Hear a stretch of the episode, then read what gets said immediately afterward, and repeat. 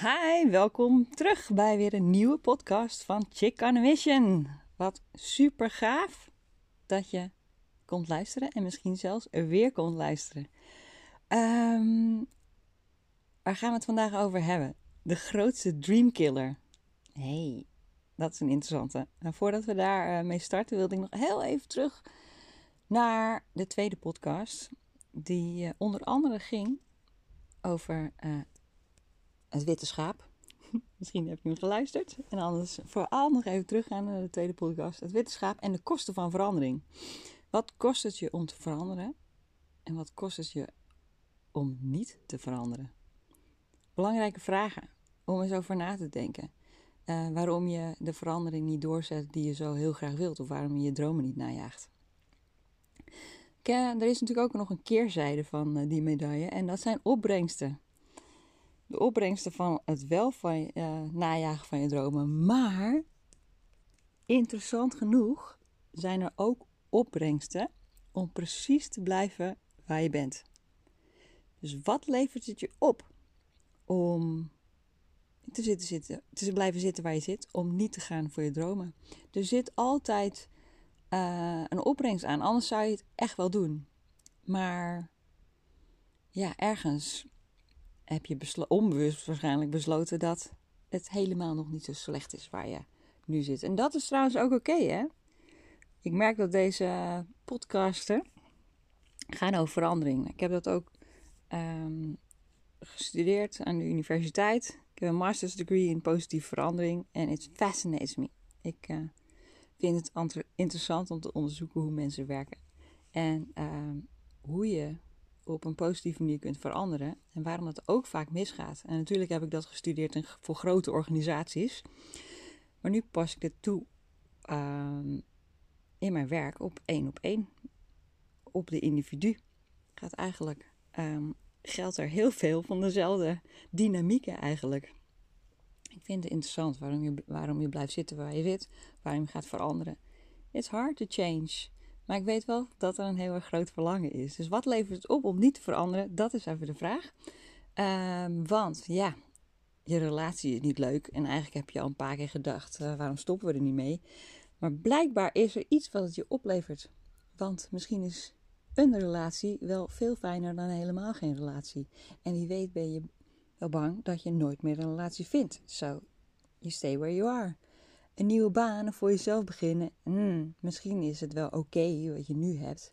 Je wordt er niet gelukkig van, je loopt stiekem leeg. Maar het is in ieder geval zekerheid en een baan en iets wat je kent. Dus dat is um, de benefit, hè? wat het oplevert. Misschien wil je al heel lang afvallen of gezonder leven. Maar die gezellige, gezellige etentjes, zijn ook heel fijn. En suiker is gewoon verrotte lekker. dus waarom zou je dat opgeven? En hier kun je dus echt een kosten-batenanalyse op loslaten.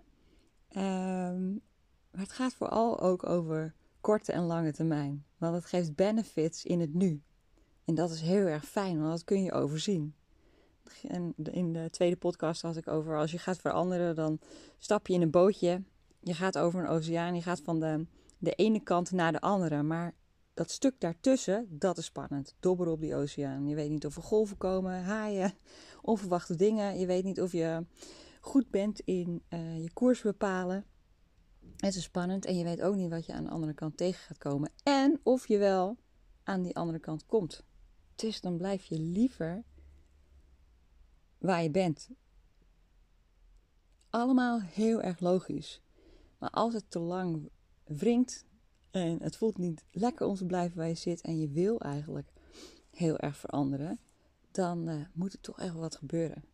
Maar het blijven zitten wat je zit is ook een heel erg oud principe. Het, de wens om veilig te blijven. En dat is tegelijkertijd de grootste dreamkiller. Ik wou zeggen, de grootste dreamkiller, dat ben jij.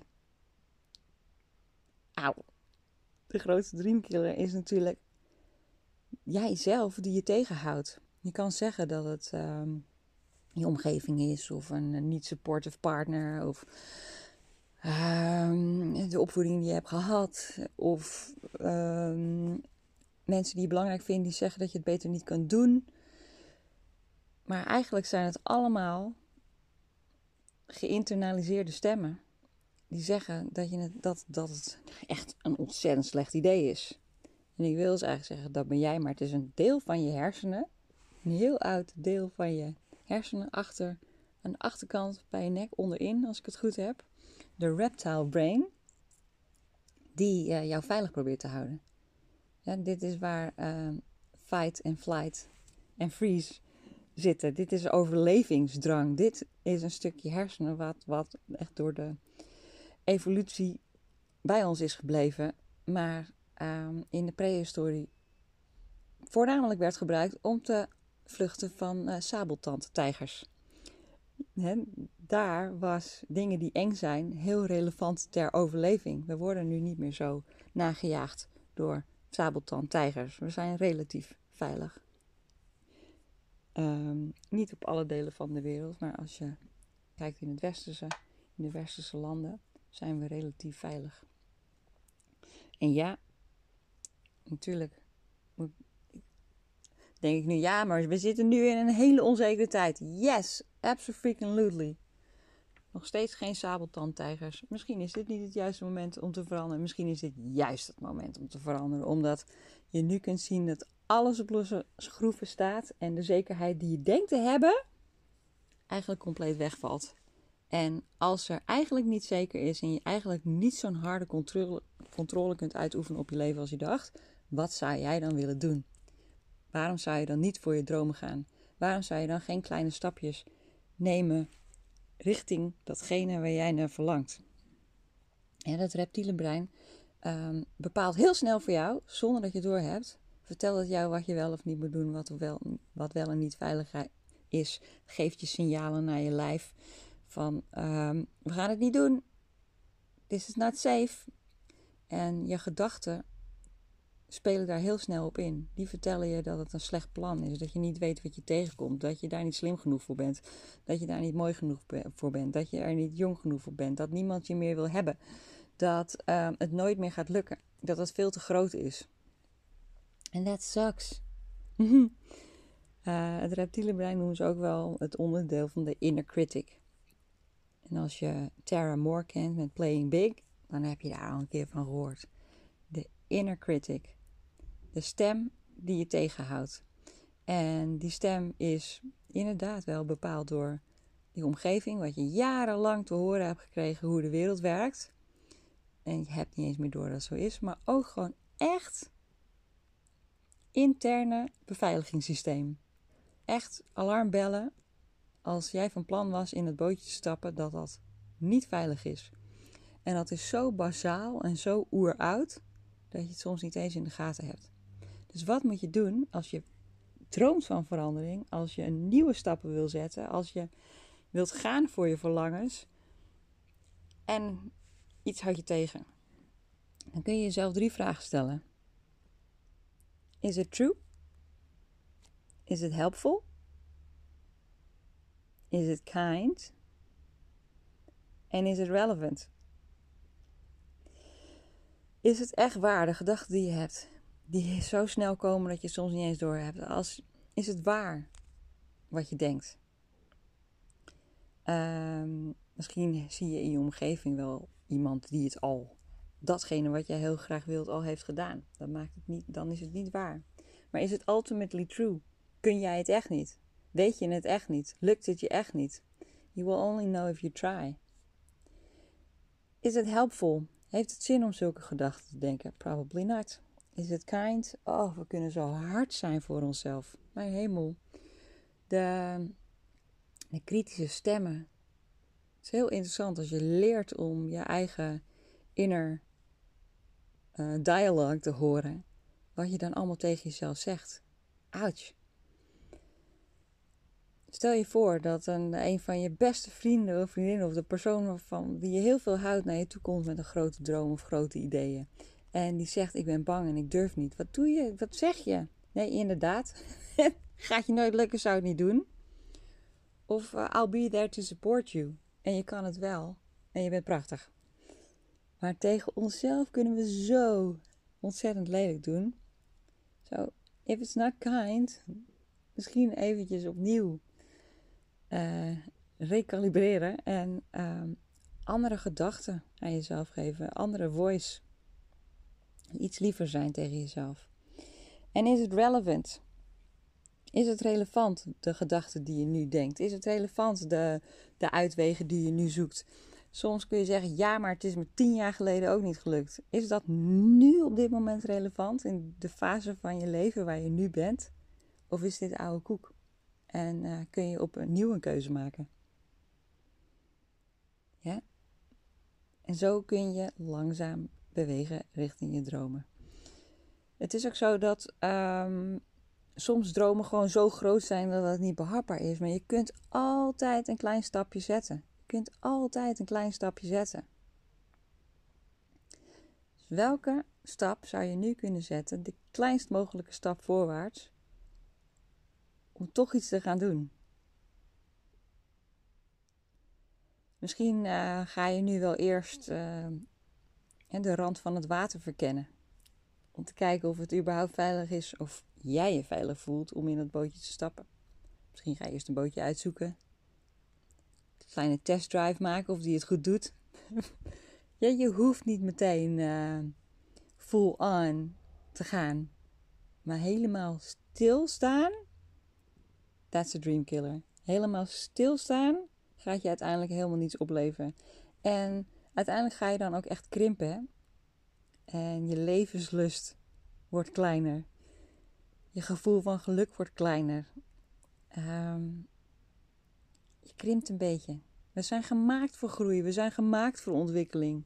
Mensen zijn gemaakt voor constant development.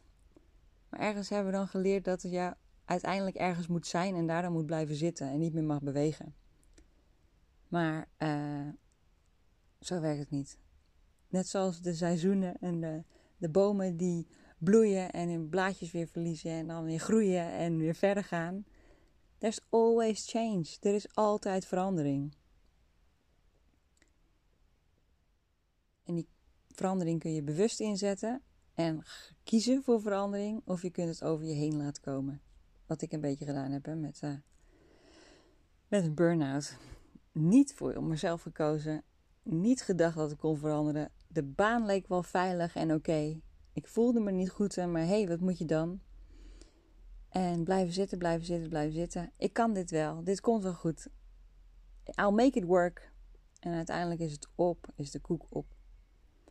Ik hoop voor jou dat je echt eerder die keuze durft te maken voor jezelf, als dat verlangen daar is, om die stap te zetten. Je hoeft niet te wachten tot je moet. Hè?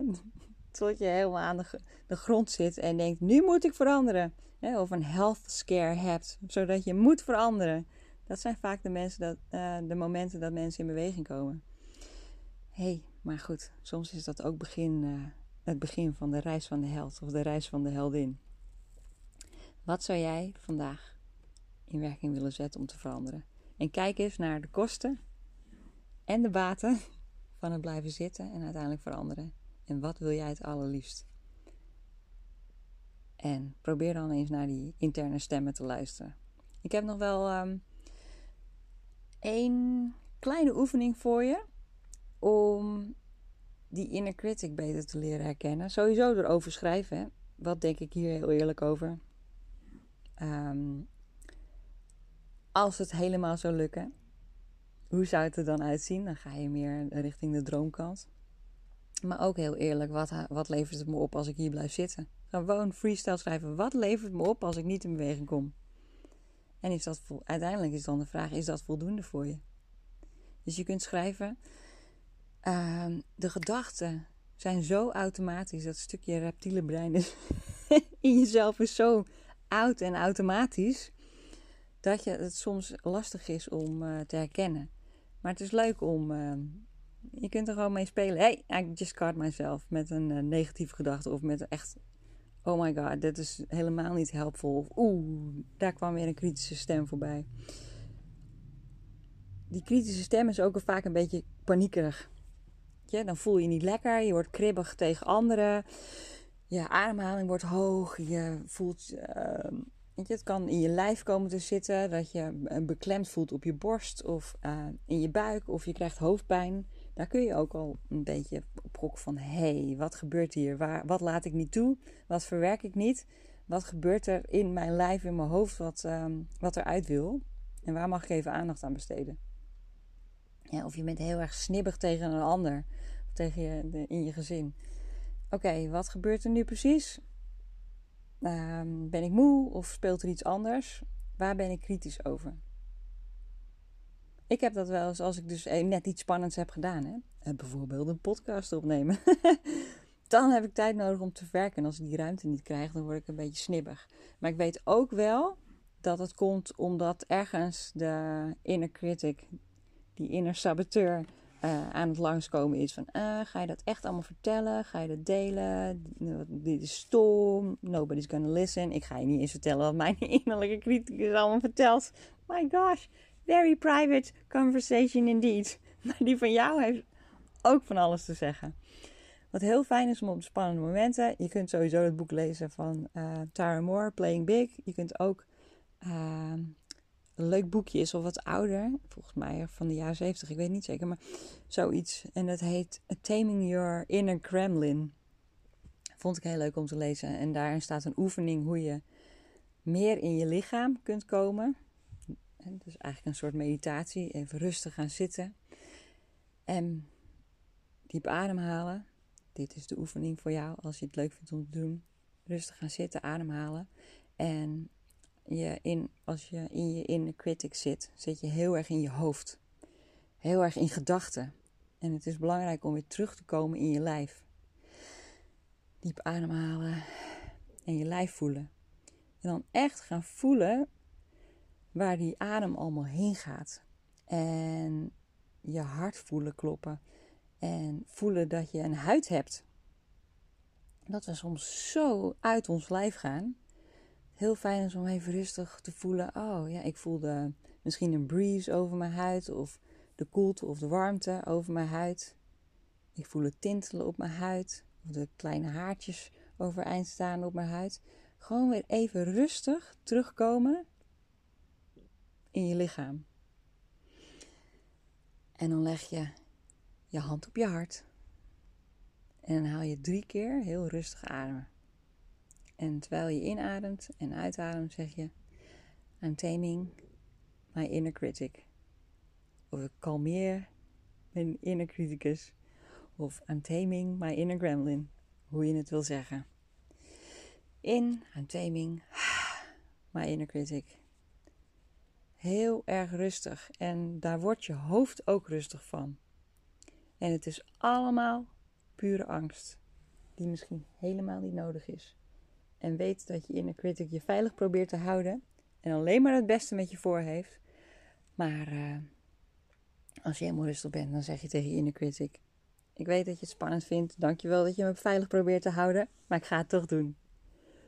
Jij zit aan het stuur, zeggen ze dan. En de inner critic, die ga je nooit helemaal kwijtraken. Maar die mag je zeker niet uh, je bootje laten besturen. Die mag achterin. Ik hoop dat het je helpt. En uh, dat jij met je dromen aan de slag gaat. En met deze oefeningen aan de slag kunt. Ik spreek je, zie je, hoor je heel graag weer de volgende keer. En als je het leuk vindt om deze podcast te delen of anderen op attent te maken, zou ik dat natuurlijk helemaal te gek vinden. Want hoe spannend ik het ook vind om uh, mijn stem te laten horen, het zou ook wel echt heel cool zijn als dit heel erg van de grond komt. dat zou echt heel erg gaaf zijn. Uh, dus deel het of like het of stuur me een berichtje als je, als je ervan hebt genoten. Als je er iets van hebt geleerd. Als je iets te vertellen hebt. Ik hoor het heel graag. Dankjewel en tot de volgende keer.